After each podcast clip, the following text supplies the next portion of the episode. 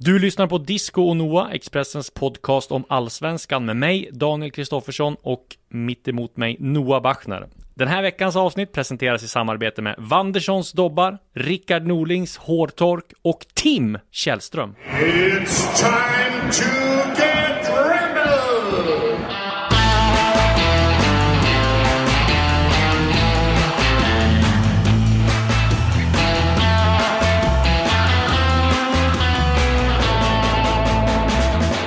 Tim Källström. Ja, det var en grej här som hände under min Skånetour på Olympia. Vi ska återkomma eh, till det lite senare i avsnittet när jag ska berätta hela storyn om Tim Källström. Ja, du- Den är faktiskt du- lite rolig. Du, eh, det var någonting du hörde i Skåne. Han är så pass okänd där nere att det blir lite som man vill. Ja, vi får se det. Vi ska ta det sen. Eh, men du var i, du var i Helsingborg eh, och men du började i Malmö. Ja, precis. Malmö mot Östersund. Eh, Malmö var, kändes lite pressat där i, inför matchen, men ja, med Rosenberg på plan så var det liksom inget snack. De vann 2-0, Östersund såg extremt bleka ut. Rosenbergs dotter hade barnkalas på Mm. läktaren och han vinkade upp till, till dottern. Så att eh, det var väl en perfekt vinst för Malmö. Men eh, jag vet inte, det var en ganska tråkig match. Eh, Det kändes väldigt eh, one-sided som man säger. Ja, precis. Östersund hade ju ingenting att komma med. Det, det mest uppseendeväckande från den matchen var ju precis som vi har varit inne på tidigare, saker som händer efteråt. Ravel Morrison missade matchen på grund av en tandinfektion. Han var inte ens där alltså. Han var inte ens där, han åkte inte ens med. Han hade tandinfektion. Från hade fått, sin fredagsmiddag i Stockholm. kan det ha varit, var det dåligt käk på Surfers kanske? Ja. Men eh, i alla fall så, ja, nej, tandinfektion, han fick antibiotika, fel antibiotika så det blev värre och nu var han inte med, får vi se om han är frisk till nästa match. Eh, märklig skada, lite som Kalle Corneliusson skulle, han skulle skära gurka och missa landskampen. Ja, den har ju å andra sidan eh, många gånger, eh, tycker jag i alla fall, framträtt som att den stämmer. Här gnistas det ju lite grann om Ravel emellanåt. Har, Mm. Ja, jag, har blev, hört i alla fall. jag blev lite så här också när, ja, det la ihop ett och ett där. Dels den där uh, storyn han var ute där i Stockholm som du berättade och så där kommer det här nu. Ja, vi får se vart det här utvecklar sig. Det känns inte riktigt som den start Östersund har velat att han skulle få, eller? Nej, sen tänker man också på det här laget. De, jag menar, det har ju sagts många gånger nu, men de har ju bytt ut hela laget nästan Ja. på ett år. Och, eh, även om de tog en bra kryss borta mot AIK i premiären och sen lyckades besegra Falkenberg, så det här, MFF borta har ju Östersund hävdat sig ganska bra flera gånger. Minns den här vansinniga 3-2 matchen när Brorsson kapade Hopcat, eller Ghoddos var det? Ja. Kommer du ihåg den? Ja, och när det blev röda kort till höger och vänster och Erdal Rakip avgjorde på övertid. det, var, det var en av de mest underhållande matcherna man har sett i Allsvenskan. Nu bjöd de inte upp överhuvudtaget. Nej. De var inte ens nära MFF här. Eh, Men gjorde ju fel också som inte spelade Tesvalde Teki från början och hade en Amin där från eh, Han har inte alls varit lyckosam tycker jag Men det erkände väl Birchnell efteråt också att han borde ha spelat Teki från början Mm. De fick lite bättre fart på det då Annars var Kindberg på plats Daniel Kindberg Malmö som stad och eh, Stadion blev ett bollplank rikare Ja, det är väl skönt för dem. Ja. Någon kanske var därför de vann. Exakt Men eh, ja, han, han, är, han fortsätter resa med. Jag såg att han var ute och pratade här i bland annat Dagens Nyheter idag. Och vi såg även en intervju med honom i, på Fotboll Direkt. Där det ställdes en besynnerlig fråga till honom. Nej det Eh, var väl inte han, det var väl till presschefen Niklas Lidström va? Ja, det var det ja, kanske. Ja, det var det, just Eh, ja, och det var an, eh, anledningen var väl de här bonusarna som har, som har det. Just det, det kom ut en ny nyhetshistoria om Ja, Östersund. exakt. Där Om att- spelarnas bonus ska ha gått till bygget av en extra läktare istället. Och det har varit lite, lite schism i truppen. Ja. Enligt Uppdrag granskning då som har fortsatt titta på klubben. Och en av frågorna som Fotboll Direkt ställde till presschefen det var Vet ni vilka spelare som har läckt misstänker man? Vilka spelare misstänker ni har läckt den här informationen? Ja, det, är, En, en det finns så mycket mycket att säga om det. Det så mycket att säga om det. Mycket besynnerlig fråga Ja. att ställa av en journalist. Ja. Eh, men ja, han har MFFs bollplank då, Daniel Andersson, han såg lättad ut gissar jag. Ja, det är klart han var där. Han var inte alls, han såg inte alls lika, han har en, han är säkert jättesympatisk och jättetrevlig privat, men han har en liten osympatisk uppsyn. Men ja, Daniel Andersson, bara jag får, får hans namn så här så kommer jag att tänka på en rätt skön grej eh, och hur man kan få nyheter. Eh, det kan man ju få på lite olika sätt. Man kan få dem, ja, men i alla fall så var det faktiskt så att Carvalho var ju på väg till Malmö 2015 Ja. och eh, jag Felipe är Carvalho. Felipe Carvalho, mittbacken där, som inte hade så lyckat vid Falkenberg och sådär, hände inte så mycket. Men jag var eh, hemma i, eh, var, hade sommarlov och var eh, i sommarstugan, kliver in och slår på datorn och då har jag ett mail från hans ökände eller kände agent Terje Liveröd, han som var i AIK eh, och eh, tog dit Åbolo och Lukas Valdemarin. Så jag klickar upp det. Och då, ska, då är det alltså ett, ett mail där han har skickat fel. Det ska till Daniel Andersson, men det kommer till Daniel Kristoffersson på Expressen. För saken är att jag har mailat honom om just det här, för det var ju snack om Cavallo då Ja, också. ja. Så jag mejlade honom, för han, hade ju, han bodde ju i Buenos Aires tror jag, hade massa olika nummer, så det var lättast att få tag på honom på mail. Och då har jag liksom då, får, då ska det där till Daniel Andersson, men då står det eh, liksom, jag får istället, han har skickat fel. Ja. Så att du har hela liksom Eh, vad heter det, eh, mailkonversationen med buden och sådär. Så jag, jag, och jag bara, vad är det här? Och då, har, det där mejlet har gått iväg till, för han ringer upp och säger, fan jag måste ha skickat fel liksom. Du kan inte publicera det här, sa han då liksom. Men. Det gjorde vi ändå. Vi Ja. avslöjade ju vad eh, Felipe Carvalho kostade och eh, att han var klar för Malmö. Och det blev han ju också. Frågan är då, har Daniel Andersson fått några mejl som var ämnade för dig? Ja, men jag tror så farliga tror jag inte de var. Det var väl mest att han svarade på mina mejl men eh, nej, det var Det är kanske inte lika kul att få en mejl som är riktade till dig, alltså, inte anklagelser och irritation. Exakt. Men det, så kan man få nyheter. Det var en anekdot. Den är väl om nu Terje Liveröd mot förmodan skulle höra det här så. Så vill du tacka? Ja, precis. Och han är är väl inte arg. Det är väl pre- det är preskriberat vid den här tiden. Så är det. Sen fortsatte du vidare till eh, Helsingborg. Ja, och det var ju en mycket roligare match. Eh, jag älskar ju, får jag säga, med Malmö FFs hymn här i början. Jag tycker Ja. den är mäktig, men jag tycker att Helsingborgs var ännu vackrare. Du har, det har, På jag- jag gator, har, alltså, vi har ändå jobbat ihop ett par år. Ja. Du har, senaste veckan har du börjat prata mycket hymner. Ja, jag vet inte, jag tycker det, det, Blivit är bra. sentimental, liksom, Ja, exakt. Jag tycker det är bra. Bra drag blev det där i Helsingborg, även fast Grät du lite? Nej, riktigt så var det inte. Men eh, den stora snackisen där var ju domaren då Bojan Pancic som var lite snett på det. Dels Wanderssons dobbar mot Djurdjic. Det skulle vara rött kort direkt. Fick bara gult. Eh, och eh, jag vet inte, jag fick en så här nostalgisk feeling där eh, i Helsingborg. Jag bodde ju där två, tre veckor när de jagade guldet här. De och Malmö slogs om guldet 2011, 2012.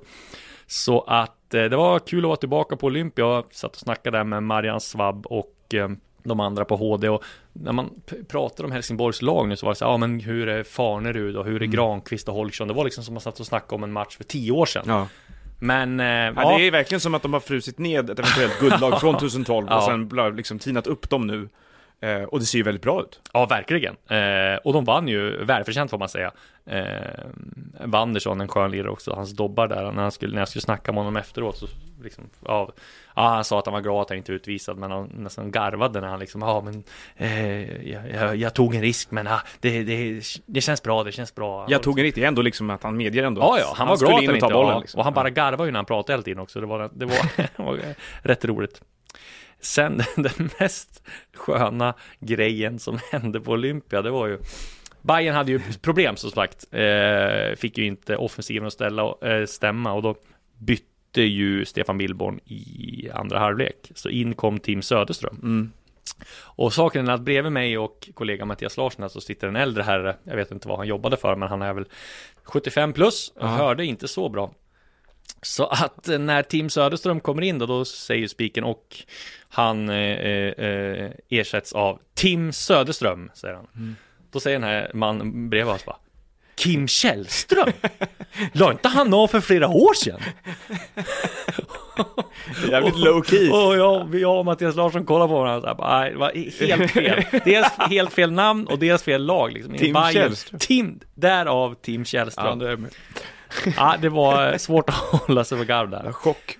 Men du, du har ju, såg ju lite grann på matchen i alla fall. Vad säger Ja. du om Bayerns det, är, det stämmer inte offensivt. Nej, vi, jag vet inte riktigt heller hur man ska tolka. Det känns som att de har inte hittat balansen på laget. Det vill säga, de blir lite bakviktade kanske för att de är osäkra på hur det funkar där bak. Nu petade de ju Odilon, vilket vi var inne på förra veckan, eh, och många var inne på att det skulle komma en smärtgräns där med honom. Och sen så började de kasta om lite och Solheim och Widgren och det var väldigt mycket nytt längst bak.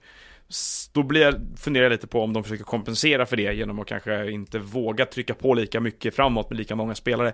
Sen är det ju så också att det, för allt vad Tankovic ser bra ut så är han också den enda spelaren som driver på i offensiven på något sätt. Ja, och det, det man ska säga positivt är väl att de fick John Kjartansson. Ja. Men samtidigt som vi var inne på tidigare, tiden börjar rinna ut där. Han måste ju börja leverera poäng, annars är de här pengarna bortkastade Och nu liksom. gjorde han ju det å andra sidan. Ja, inte poäng, han gjorde ju mål. Ja. Men det genererar inga Ja, poäng. få Du poäng, fick ja. ju inte poäng liksom. Du är med för laget. Ja. Nej, men Men, så- sen är det så här jättekonstigt. Rodic och Bengtsson kvar och sätta in Tim Söderström mot Bojanic. Det är ju liksom en defensiv mittfältare.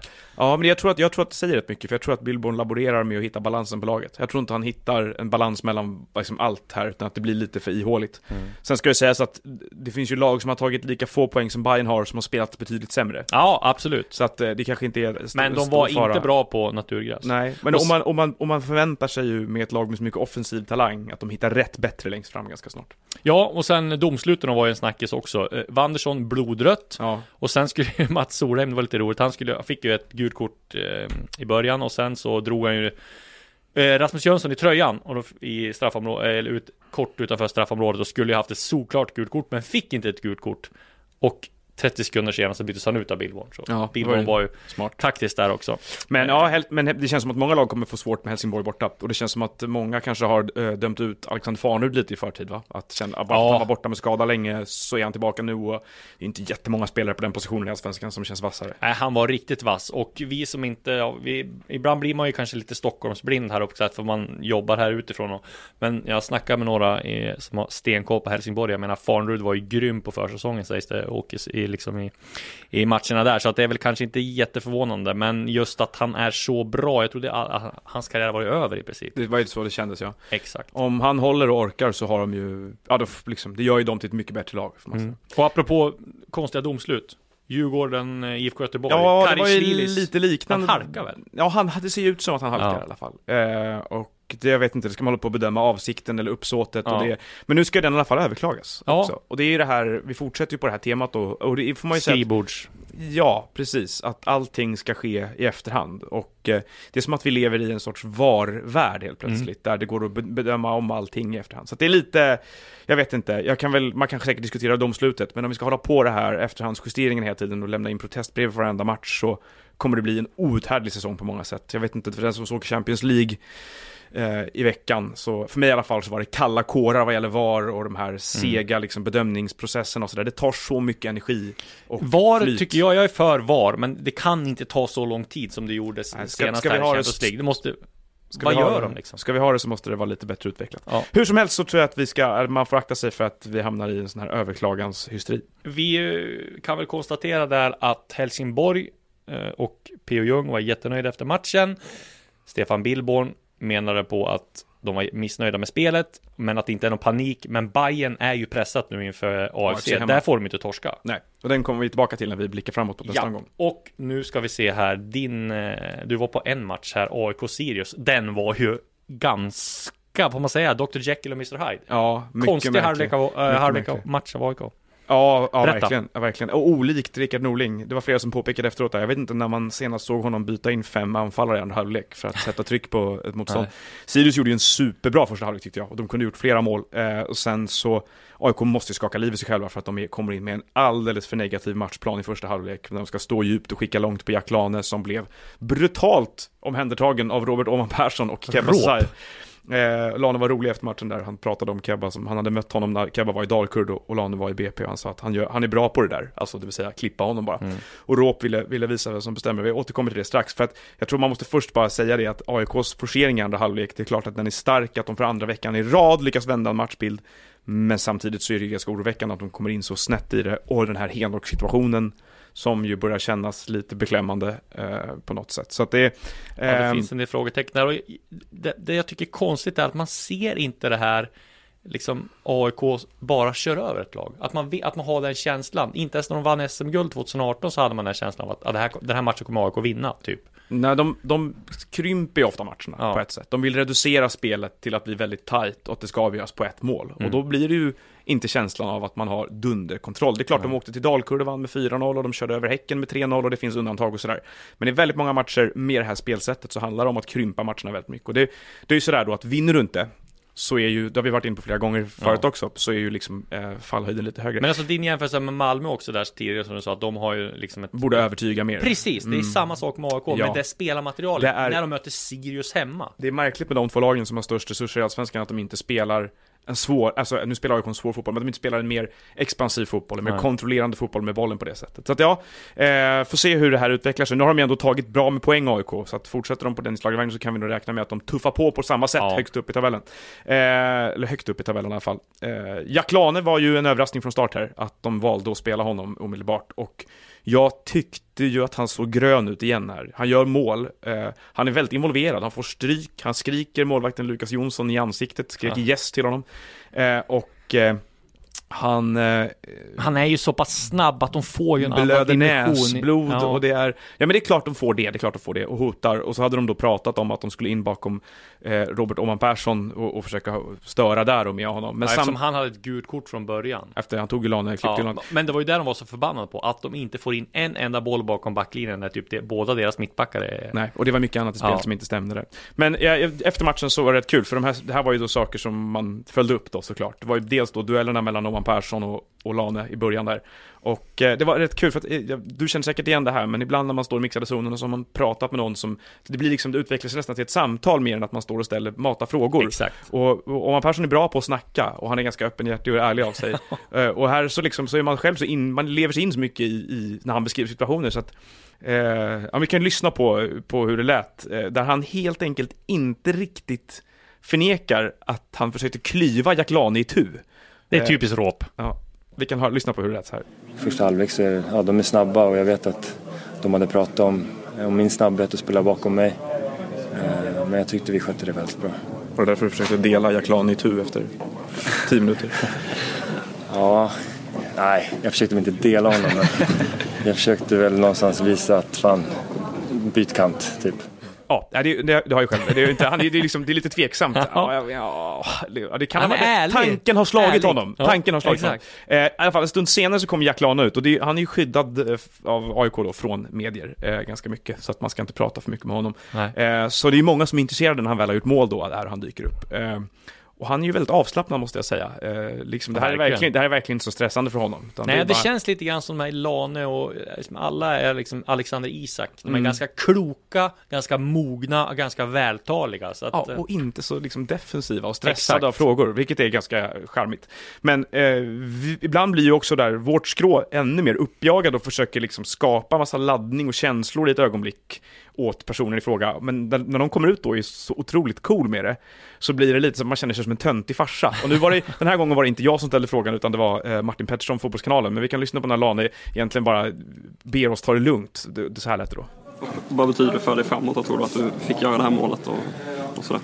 Alltså, det, är- alltså vi har inte vunnit VM alltså, helt ärligt. Ja, vi får helt enkelt ta och, och, och coola ner oss lite. Ja, fotbollssäsongen är i full gång. Vi vägrar ju dock, eh, med tanke på vilka vi är, eller vem du är, släppa den knäppa säsongen. Exakt. Och silly season. Det fönstret är ju stängt, men klubbarna jobbar ju såklart på högvarv för att förstärka. Mm. Och, Och- ser vi till vilka värvningar som har gjorts, så är det ju väldigt, väldigt många lån som går ut i sommar här. Mm. Så att det lär väl hända rätt mycket i sommar också, framförallt från de stora klubbarna. Mm. Så att eh, det jobbas för fullt. Och Hammarby, de är Eh, Jesper Jansson var inte med på Olympia. Han, det, var, gjorde han, nog- det var, gjorde han nog rätt i att han stannade hemma. Han fick ganska mycket hån från sin förra eh, hemmapublik, vilket jag tycker är märkligt med tanke på vad han har åstadkommit i klubben. Men han var i eh, Tanzania och eh, spanade in U17 eh, VM tror jag det är, eller någon U17-turnering där i alla fall. Och där har eh, Bayern hittat en eh, guldklimp som de försöker värva. Det är Vamba Leonel, anfallare från Kamerun, som är ehm, eh, 17 år och eh, som beskrivs som Kameruns nästa Samuel Eto'o. Ja. Ingen får någonsin vara sig själv. Exakt. Alla är en reinkarnation. Ja. Och det är väl ingen slump heller att det är Kameruns Samuel Eto'o. Nej, men Bamba Leonel då är ju en, han är ju mm, extremt jagad. Eh, har ju ögonen på sig från väldigt många allsvenska klubbar. Eh, har ögonen på sig från eh, väldigt många utländska klubbar också. Eh, och det blir väl spännande att se här. Vad jag har hört så har Hammarby redan tagit kontakt med klubben och försöker skriva ett sånt här pre-contract, försöker värva honom. Hur gammal är han sa du? Eh, 17 om jag inte minns fel. Så då måste de Eh, vänta lite Då måste de vänta innan ha- till han blir 18. Men det är ju samma sak som Djurgården gjorde med Daniel Amartey till exempel. Man Och som Bayern gjorde med Odilon. Precis, man skriver ett eh, pre-contract och sedan så värvar man honom när han är 18 år då. Just det. Eh, Så att eh, det ska bli väldigt intressant att se om de lyckas med det. Men det är nog eh, ganska intressant för Bayern behöver ju en anfallare. Mm. Ja, man kanske behöver någon som kan gå lite mer i djupled också. Och eh, Exakt. vi har ju en Kjartansson situation som kommer att utveckla sig Mm. eh, de närmaste, den närmaste tiden också. Ja, det blir spännande att se. Eh, Bayern Sille där alltså och vi får se om förhandlingarna går i lås där. Vi lär få svar- snar på det. Ganska snart i alla fall. Något annat på transferhorisonten? Ja men Sirius har jag grävt fram lite av eh, transfer news kring. Eh, Ola Andersson och ehm, eh, tränaren Henrik Rydström var på plats. ehm, En av de två. Jag blev väldigt, väldigt hårt tillrättavisad i veckan här när jag skrev Henrik Rydström Sirius. Det är ju alltså Henrik Rydström och Mirza Jelicak som delar på ansvaret i Sirius. Mm. Eh, och eh, det ska man ha väldigt klart för sig. Det var ju väldigt, väldigt många också som eh, trodde att Roger Fransén var huvudtränare i Giffarna när Mm. de hade delat ledarskap med Joel Cedergren. Säg nu då! Exakt! Men i alla fall, så var de och kollade på Karlstad United Akropolis och de spanade in i Karlstad, Joel Gustafsson eller Erik Nilsson, jag vet inte, någon av dem är det. Men jag Okej. tror att det är Joel Gustafsson. Okej. Vi får ta det här med lite nypa salt, men vi, det här är ju en podd där vi tar lite rykten sådär. Så Ja, att, ja, allt behöver inte Ja. vara tusen procent allt. Joel Gustafsson född eh, 93. Eh, gjorde en bra match. Mm. Så att vi får se vad Det som händer. se, guldjagande Sirius som jagar förstärkningar. Exakt. Ja, du Noah, du känns lite mer sympatisk, lite mer lugn och Välkommen till Coolbet där spänningen aldrig tar slut och underhållningen står i centrum. Här får du inte bara Sveriges bästa fotbollsodds, du får också en spelupplevelse som är rättvis, transparent och framförallt rolig. För oss handlar det om mer än bara spel. Det handlar om att ta en paus, att våga chansa och att kanske vinna stort. Det oväntade gör varje ögonblick unikt. För dig över 18 år, stödlinjen.se du har inte samma odrägliga Twitter-slugger-aura som du brukar ha. Det märks att du har varit i Norrlands pärla, Sundsvall. Ja. Eh, det, Det här, är den eh, impacten man får. Jag, eh, någon gång ska jag försöka därifrån. fånga ditt minspel när du säger Sundsvall. För du säger det Exakt. med en, med en närmast religiös njutning. Ja, nej men det var ju ett fantastiskt reportage du gjorde där och jag tror det var väldigt hyllat av många, väldigt delat också och det var ju faktiskt grym inside och jag gillade ju framför allt Pågå Joel. Ja, det var, det var kul att han var där. Eh, Ham, Hamza som hade gjort den där avgå Joel-skylten.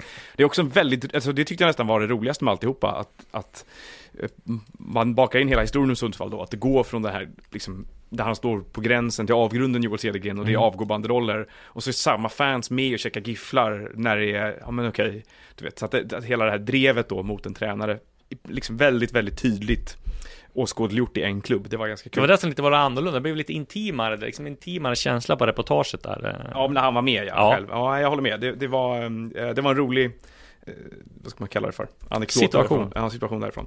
Eh, Ja, nej precis. Men, men det absolut mest intressanta tyckte jag var, förutom att lyssna då på Joel Cedergren och hans tränarkollegor kollegor, Henrik Ånstrand och Andreas Pettersson där, så som ju i detalj beskriver egentligen hur de jobbar. De verkar inte alls vara måna om att hålla så mycket hemligheter. Man tittar Nej. på andra lag som verkligen vill ha sitt för sig och sådär. Så de verkade mer öppna med vad de gör. Och det märker man ju även med, med Cedergren. Det kom inte med i reportaget, men jag frågade om det här att han, han sa ju till Simor i halvtid att vi ska försöka spela in bollen bakom Lewicki mot MFF. Och så gjorde de det och så blev det mål. Mm. Att han vill vara, han, han är sån som person sa han, att han är öppen och vill, och, och vissa tolkar det då som lite elakt mot Lewicki nästan att det blev. Och det sa han att det hade inte slagit honom tidigare. Nej. Utan han kände i efterhand att det var liksom nästan som att han hånade Lewicki, att kolla den här sopan ska vi, och så gjorde, och så gjorde de mål Men på det Joel sättet. är, känns lite sån som person, att han kan vara lite för ärlig ibland. Men det är Ja, men också det positiva liksom. Väldigt rak av sig, verkligen. Och sen, det känns lite grann när jag läste reportage som att Sundsvall har hittat rätt. Det känns som det aldrig har varit den här röda tråden i föreningen, utan det har varit en one man show i Urban Hagblom och sen har det varit olika tränare. Det har varit Halvor Halvorsen, det har varit David Wilson, det har varit Rickard Norling, det har varit Per Joar Hansen, det har varit väldigt eh, olika sorters tränare. Men just när de, om de har fått in det här med Joel Cedergren så är det liksom en röd tråd som, som rinner genom hela föreningen och jag tror att eh, det har man mått bra av och det har ju gett resultat. Liksom. Ja, och dessutom så lyssnar man på, på eh, både Hallenius och Urban Haglund så är de båda två att de har ju gripits av den här insikten egentligen att antingen kan Sundsvall fortsätta att vara ett lag som slåss för att hänga kvar år efter år efter år efter Mm. år med klassisk överlevnadsfotboll. Eller så försöker de då, det kanske kostar lite i början, men de försöker bygga någonting som kan göra lite skillnad i alla fall i den här ekonomiska hierarkin. Urban Hagblom pratar ju dessutom om att de har bantat spelartruppen Eh, det kommer inte heller med i reportaget. De har bantat spelartruppen i år på ett antal spelare, men de har samma budget, men de har tryckt in mer pengar i ledarstaben för att Mm. de tror att de kan skapa större tillgångar i sina spelare genom bättre ledare. Och det är också ett sånt här tankesätt som jag tror att rätt få klubbar eh, äger liksom tillgång till Ja, De hade ju en del löneposter som var helt sjuka. Jag tror Sebastian Rajlak som lämnade han för ett tag sedan. Jag tror han hade 65 000 i månaden liksom. Det var eh, många eh. Ja, men så, så känns det inte som att de löner. jobbar längre. Nej, inte direkt. Men så att, ja, nej men det var intressant. Eh, Linus Alenius i övrigt, den, den eh, som pratade, tycker jag i alla fall, bäst förutom de där då, eh, när han snackade om, han, han är ju väldigt ideologiskt övertygad nu, eh, Mm. sen han kom tillbaka dit. Han har, han upp, har liksom upptäckt ett sätt som han tycker är rätt egentligen då, och ett sätt att spela fotboll på som han tycker krossar många föreställningar tidigare, att han säger att det här liknar ingen annanstans jag har varit i min karriär, jag är tacksam för att jag har liksom vaknat upp inför det här. Och så säger han många saker också som att och det, det stämmer ju, det kan man hålla med honom om att eh, många, väldigt många lag pratar om att de ska spela possession-inriktat eller att man ska kontrollera bollen och så. Han har varit i många klubbar som har snackat så. Men om alla som ville göra det skulle liksom kunna göra det så hade de gjort det. Han tycker att han inte intresserar så mycket och då, då går han ju precis som sina tränare in på de här begreppen då med positional play och grejer då. Så, så, så träningsmetoder som, som där Sundsvalls nyckel ligger någonstans. Och att höra en spelare prata på det sättet, det kändes dels som att vi har en framtida tränare som har börjat tänka fotboll i så taktiska Ja. banor och liksom gruppdynamiska banor som han har gjort och förstått hur kollektivet hänger ihop och sådär. Men det, det är även då, tycker jag i alla fall, tyder ju på en viss mognad eh, hos sådana som spelar också. Sådär. Ja, man börjar förstå fotboll på det så. Men sättet. och, känns det när du pratar nu så känns det som, tänk om någon hade sagt att det här skulle vara liksom det Sundsvall hade, eller skulle komma fram till för typ fem år sedan, då hade folk garvat bara att Ja. de skulle spela så här. Så att, Precis, och de, och de känns ju då, och de pratar allihopa att de ska ha smarta spelare. Och det här att Joel Cedergren har ändrat då stor stark giffare till liten smart på något Ja. sätt. Det, det symboliserar ju kulturförändringen på något sätt. Så spännande, så förlorar de såklart mot Elfsborg med 3-1 direkt efteråt där som en Ja. sorts... William eh, Eskelin brev kastade in. På posten. Ja, herregud vilken... den var, den var inte rolig. Pepperina mot Everton i Men, Merseyside men det känns ändå som Giffarna kommer att hålla sig kvar. Det viktiga är för dem att de kan Ja, det viktigaste är väl kanske att förlänga med några av de här som har utgående, framförallt William Eskelin kanske. Nu vet jag inte om han är så sugen på att förlänga med tanke på att det är ganska svårt för målvakter att komma utomlands, men förlänga några kontrakt och sen bara få in de här tv-pengarna och kunna få lugn och ro i, i kassakistan, för Ja, det behöver och, de. Och jobba vidare precis på sättet de gör. Så det var, det var ju min, eh, eh, någon sorts eh, output från förra veckan. Så har jag en annan grej på gång här nu, så vi tyvärr inte kan prata om riktigt i den här podden. För att den, Den är intressant. Väntar Den på intressant. att publiceras. Som, eh, vi hoppas att den kommer i dagarna. Den andra stora snackisen efter den här allsvenska omgången, som ju blev en sorts nyhetsuppföljning, det var ju simor kamerorna i omklädningsrummet. The Cam Show. Exakt. Först var det Norling som bjöd på, eh, ja, vad ska man säga, en rejäl hårtork. Mm. Sånt gillar ju jag. Ja, men det var jag på något sätt, jag, jag, jag tänkte på det också, att så här, som AIK hade man ju förmodligen velat se det där. Ja, ja, absolut. ut. Eh, Men sen är det så här också, hårtorkar, det, det, det, det får ju en effekt om, om man gör det en gång var 15 omgång. Ja, du kan om- liksom inte ha någon form anger management. Om Norling skulle göra det här nästa match, eller om två, tre matcher, då skulle det liksom helt falla, då skulle det bara vara pajigt. Det här gör man ju, liksom det är ju, gör man ju en gång, ja, var 10-15 Ja, det är som att välja alternativet aggressiv på halftime talk på Football Manager varje match. Det funkar till slut inte. Exakt. Eh, vi hade ju även Astrid Ajdarevic som... Ja, eh, stod och som- pekade på folk. Det gillar man ju. Eh, Ja, någon som har kanske sn- snott hans mobil. Typ. Vem vet? Men det, det, alltså, det som är bra med det här också, det är att man, jag hade velat haft ljud på det och hört det. Ja, har han sagt. Ja, Ja. det hade varit Men jag kan samtidigt förstå att de är trötta på det filmade. Och det märktes ju på Rickard Norling efteråt. Som, eh, jag tror att det ljudklipp vi hör nu är när jag hade frågat honom för att de, AIK kom ju som sagt in fel mot Norrköping och de kom in fel här mot eh, Sirius. Och då frågade jag honom till slut, vad ska du göra annorlunda till nästa vecka? Och då svarade han så här. Ja, det, det ska jag nog... In, under kökssoffans lock så ska jag själv ligga där och, och tänka på det. Så att ingen kamera, det kanske är placerat där, gud vet. Gud vet. Så att det var en, en eh, mindre entusiastisk AIK-tränare. Ja, förbannad Norling nästan får Ja, man säga. Han är förbannad. väl li- lite passivt aggressiv får man säga. Men å andra sidan, förbannade AIK-tränare. Det har man varit med om förr. eh, Har du någon, har du någon, vem, vem Ja, har varit det- den argaste Ja, det är, AIK-tränaren? ju- finns ju bara en. Eh, skotten, Alex Miller. Kommer aldrig någonsin glömma när han skulle stämma mig och Expressen efter en story med Flavio. Va, va, va, va? Ja, det var ju eh, så här att eh, AIK, det var ju ja, 2010 när det var kris och det var AIK var på väg ur och det var back, vad ska man säga, backflash efter SM-guldet. Backlash. Och, backlash, Ja. precis, förlåt. Och Miller, de hittade Miller, jag har fortfarande ingen aning om var, vem hittade Miller? Alex Miller. Klassisk skotte, körde bara anger management hela tiden, han var arg på allt och alla.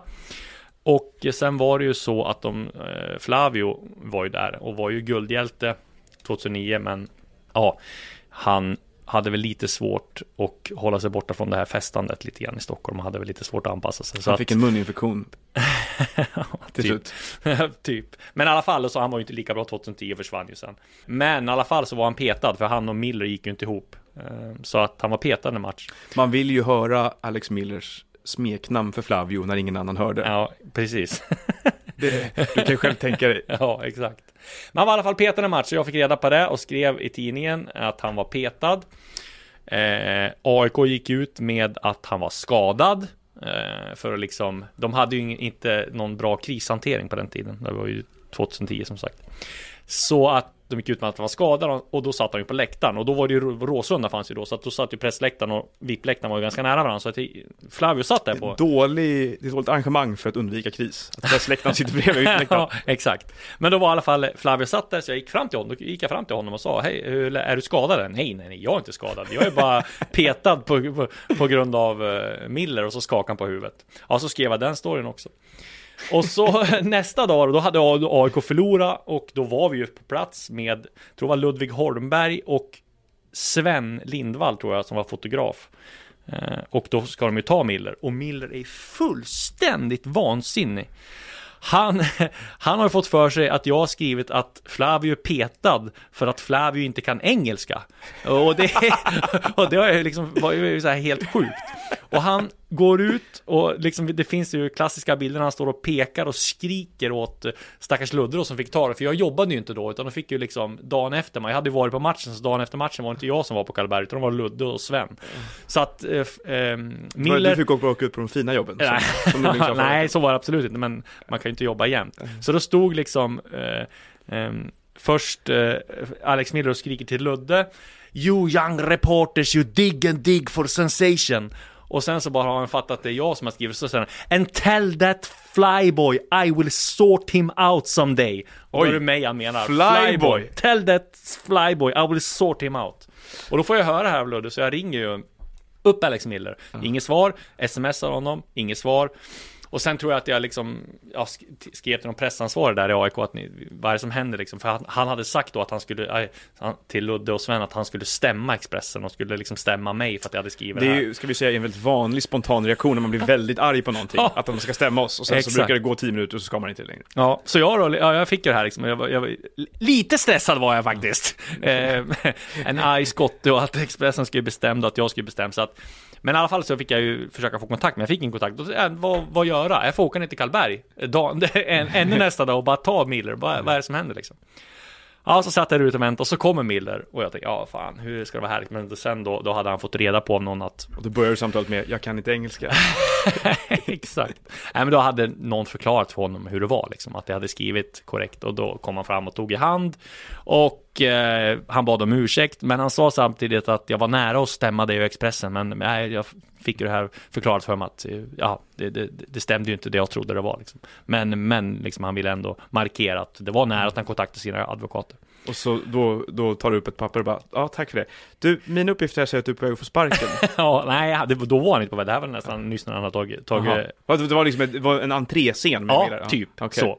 Men i alla fall, och sen så gjorde vi en talar ut intervju och då gick, gick, eller talar ut, men vi gjorde en intervju i alla fall. Så att Ja. eh, vi blev eh, vi blev väl kompisar där till slut, tills han fick sparken, då var det, då var det kris igen. Men då tror jag att det var några kollegor som fick jaga där på parkeringen. Men i alla fall, det var, ja, arga AIK-tränare. AIK-tränare. Vi kommer säkert återkomma till flera AIK-tränare vid något tillfälle här. och fler arga allsvenska tränare också. Ja, ingen, ingen rast och ingen ro eh, egentligen i påsktider, för det är ju ett fullspäckat spelschema i Allsvenskan egentligen Mm. fram till sommaren. De öser på här nu framöver med matcher. Det är nästan någonting varje dag och Hammarby måste vinna hemma mot AFC.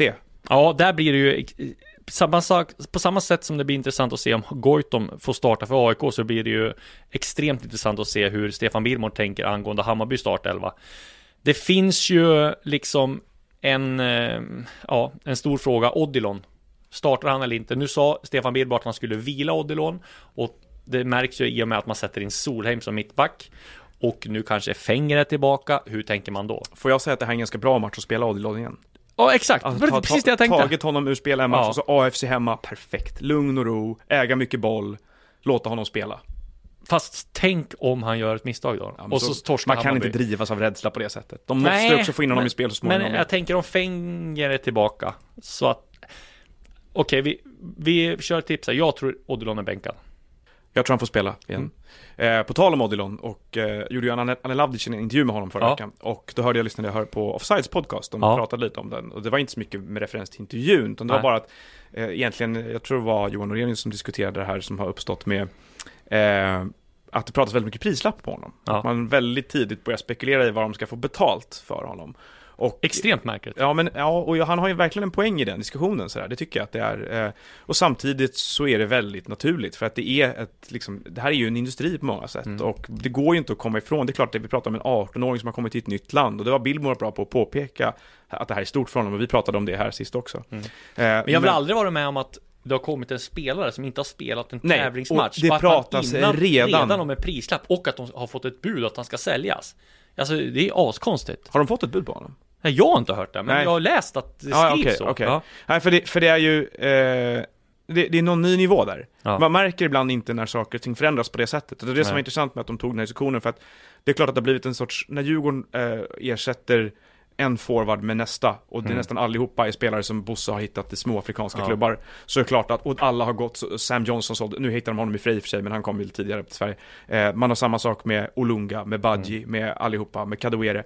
Det är klart att det blir en sorts förväntan på att okej, det här är en, en källa till stor inkomst. Och så översätter man det tankesättet på alla andra spelare. Men det finns också det här lite grann att det är en afrikansk spelare och att de är importerade till Sverige bara för att säljas vidare omedelbart och därför ska Mm. sälja dem. Och det är klart att det blir extra sån förstärkning då med Aido i Hammarby. Ja. Det var en intressant, man får nog fundera lite själv på eh, sådär hur den här utvecklingen sker över tid. För det, det, ibland ser man som sagt inte när saker och ting förskjuts och att vi plötsligt pratar om en 18-åring som inte har spelat bara i termer av prislapp. Men däremot var det ju intresse för honom vet jag redan efter de här cupmatcherna. Ja. Men det är ju långt ifrån där och komma till att det blir ett bud och en försäljning. Visst, Men visst. det så väldigt tidiga spekulationer om Odilon. Så är det. Å andra sidan så har vi börjat prata prislappar om Benjamin Nygren direkt också. Exakt. Eh, men det är också för att Göteborg har sagt innan att de måste sälja spelare, så det är inte så konstigt. Örebro tar emot AIK, det är väl ingen jättehet match, mer än att Örebro måste vinna. Eh, den har Ja. vi väl... Men det är väl just det här kittlande om Goitom är. Ja, det är väl Goitom-frågan som precis som känns det som det mest intressanta där, just med tanke på att han har ett kontrakt där han ska bli assisterande till nästa säsong. Ja, assisterande tränare. Han kanske blir U19-tränare också, men Mm. det känns ju... Ja, om det här fortsätter att Goitom ska vara bänkad så känns det som det kan bli aningen spänt om Norling är kvar och Mm. Goitom skulle vara, bli assisterande till honom. konstiga eh, liksom, saker som sades efter matchen där också det sättet att Norling eh, var full av beundran inför Goitoms sätt att hantera situationen medan alltså Goitom lät lite mer uppgiven när han kom av. Och så hörde man på Sirius-spelarna som liksom tackade sin lyckliga stjärna för att Goitom inte hade startat. Så att det är lite sådär Pågår ett lite tyst krig här på något sätt i, Mm. i den frågan. Sirius MFF, där Sirius såg ju väldigt bra ut mot AIK och MFF åker upp dit nu med lite förnyat Ja, självförtroende. det känns ju som att MFF har trummat igång nu, framförallt med Rosenberg. Men Rosenberg Han såg ju startar ruskigt bra ut. Mm. Lite samma känsla som med Djurgården tycker jag. Eh, Med Astrid Ajdarevic, Buya Turay. De har kommit igång. Fast nu såg det inte ut så. Mot Nej, men jag tycker ändå liksom deras, att de ändå vinner den, de Ja, de matcherna har hit- tyder på någonting. hittat ett sätt att vinna att, på. Att de har en lägsta nivå så att de gör att de kan vinna sådana där skitmatcher. Ja. Det tycker jag tyder på någonting. Och jag eh, ser fortfarande Djurgården som en liten outsider. Jag tycker de har gjort smarta värvningar. De har fått ihop alltså, lojala lagspelare som är beredda att offra det där lilla extra. Och det kommer ju komma in en anfallare i sommar, det är jag helt övertygad om. Jag menar, skulle Magnus, de till exempel få Magnus Eriksson i sommar så tror jag det skulle kunna bli en riktig utmanare. Men det gäller att de, de, de fortsätter att vinna. Sen att de inte, att det inte ser så där bra ut, att det inte är tiki-tak hela tiden, det tror jag det är, man får ju ändå tänka på att det tar ett tag att spela ihop det, men att de Ja. ändå vinner matcherna, eh, det är, ja, det tycker jag tyder på att det finns något där. Nej, men jag, jag tror också Djurgården kommer sluta väldigt högt upp. Det som man får säga är, med den matchen var ju dock att Kim Otolle var föredömligt arga efteråt. På något Ja. sätt. Jag tycker, jag tycker det är Ja. föredömligt. Jag att- gillar ju dem att de är väldigt... Ja men se förbi siffrorna där och Ja. vara så sjukt irriterade på prestationen, vilket de hade all rätt att vara. Eh, och på samma sätt så var ju Blåvitt såklart ganska nöjda med hur de hade presterat, med Ja. tanke på att de fick en utvisning och eh, lyckades kvittera sent och borde ha fått med sig minst en poäng. Eh, och de har ju en superintressant match mot Helsingborg nu då, på hemmaplan. Ja, För den matchen att, att den här positiva känslan från Elfsborg, den lever ju kvar i och med att det var en bra prestation här. Och Men- Vibe fick hoppa in. Och gjorde assist. Mm. Och Nygren flyger. Ja. Så att de behöver nog, eh, det känns ju som att de skulle behöva ett resultat och prestationen med sig från Helsingborg för att bevara den på något sätt Ja. och försöka surfa vidare på det här nu och inte gå ner sig igen. Så att den matchen tycker jag att det är en av de som man kanske ser fram emot allra mest här i den här omgången. Ja, det får man ändå säga. Eh, den... Och sen har vi ju ett toppmöte då mellan Djurgården och Häcken såklart, ska vi säga. Och den blir intressant. Och vi har pratat lite för lite om Häcken här. Eh, känns som att de... eh, Ja, de åkte ju och programenligt just körde över, vi pratade om Ja. det, att man, att man väntar sig att lag gör saker. Hade jag fått tippa Falkenberg-Häcken på förhand så hade jag kunnat säga 3-0 till Häcken kanske. Paulinho kunde gjort 19 mål ungefär. Och just det som var, det var liksom imponerande där också, att det stod ju 0-0 väldigt länge, men sen liksom lossnade, då gick proppen ur liksom. Ja, nej, de, de ser ju ohyggligt starka ut och eh, känns som att de tjänar också. De är det liksom, det, det, säsongen börjar, de är det enda laget som där inte finns några stora frågetecken. De har massa Nej, alternativ. Frågetecknet där blir ju mer i sommar då, Ja, hur vad de kan behålla och inte. Paulinho, Iran Dust, det är Precis. nog... Eh, eh, om man ska se säljningsobjekt så är det nog Häcken som kan... Jeremejeff var det ju snack om här också, så att Häcken kan nog... Och där fanns det väl bud till och med. ja, Jeremy. precis. Så Men att, eh, eh, man är, man har, sen som, dessutom ett ytterbackspar som jag tror kan vara intressanta. Ja, Både verkligen. Paul och Andersson ser ju väldigt bra ut alltså. Så det, ja, det är ett lag med mycket attraktiva spelare, men samtidigt så är det väl, i det här skedet på säsongen, så får man ju ge dem att eh, de är det kanske det allsvenska lag som ser absolut färdigast ut. Verkligen. Men eh, ja, jag tror fortfarande inte att man räcker hela vägen. Jag tror att sommarfönstret kommer bli för stökigt. Men min åttonde placering på Häcken. Ja, jag hade sjua, men jag framstår ju som ett geni jämförelse med dig. Ja, faktiskt. Eh, det, är inte, det är inte så ofta. Vi har eh, förlu- eller vinstnollor för eh, Kalmar, Örebro, Norrköping och Hammarby och det känns ju som att eh, de två sistnämnda där, Norrköping och Hammarby, eh, behöver ta sina trior mot AFC och Falkenberg och det känns som att Kalmar och Örebro riskerar att bli tidiga krislag här. Ja, eh, jag tycker framförallt eh, IFK Norrköping bör vara orolig. Inte de, alltså, jag sa ju innan säsongen att jag inte trodde att eh, tappet av Andreas Johansson skulle bli så stort. Det har ju de här omgångarna visat att det har varit väldigt stort och framförallt så, men jag tror inte att det har så mycket med liksom individuell skicklighet att göra. Det är mer det här spelsystemet som jag tycker det rinner igenom för, för, för lätt defensivt för Norrköping. Känns som det är lite felbalanserat. Ska, alltså, de behärskar nog inte det här 3-5-2 grejen. Kanterna har sett svajig ut och jag, jag tycker det är- oroande att inte Jens Gustafsson får ordning på försvaret. Nu hade de ju även Simon Tern tillbaka och vi pratade Ja. förut om att han var en spelare som stoppade blödningar där. Och det blev ändå två insläppta, Mm. nu gjorde han förvisso mål, men det, det är ju inte toppen. Och dessutom så verkar det vara förnyat intresse från AIK Aten i både Fransson och Tern. Ja. Så att eh, de har, kan få en mer utmanande säsong. De har ju dock pengar att ersätta om de behöver. Ja, och sen måste man ju, ska man komma ihåg, om man ska bli såld som defensiv mittfält känns som de måste ju öka på poängproduktionen. Så är det väl. Hur som helst, eh, en hel del att eh, rambla på med nästa vecka också. Det blir som vanligt mycket Ramble här i podden.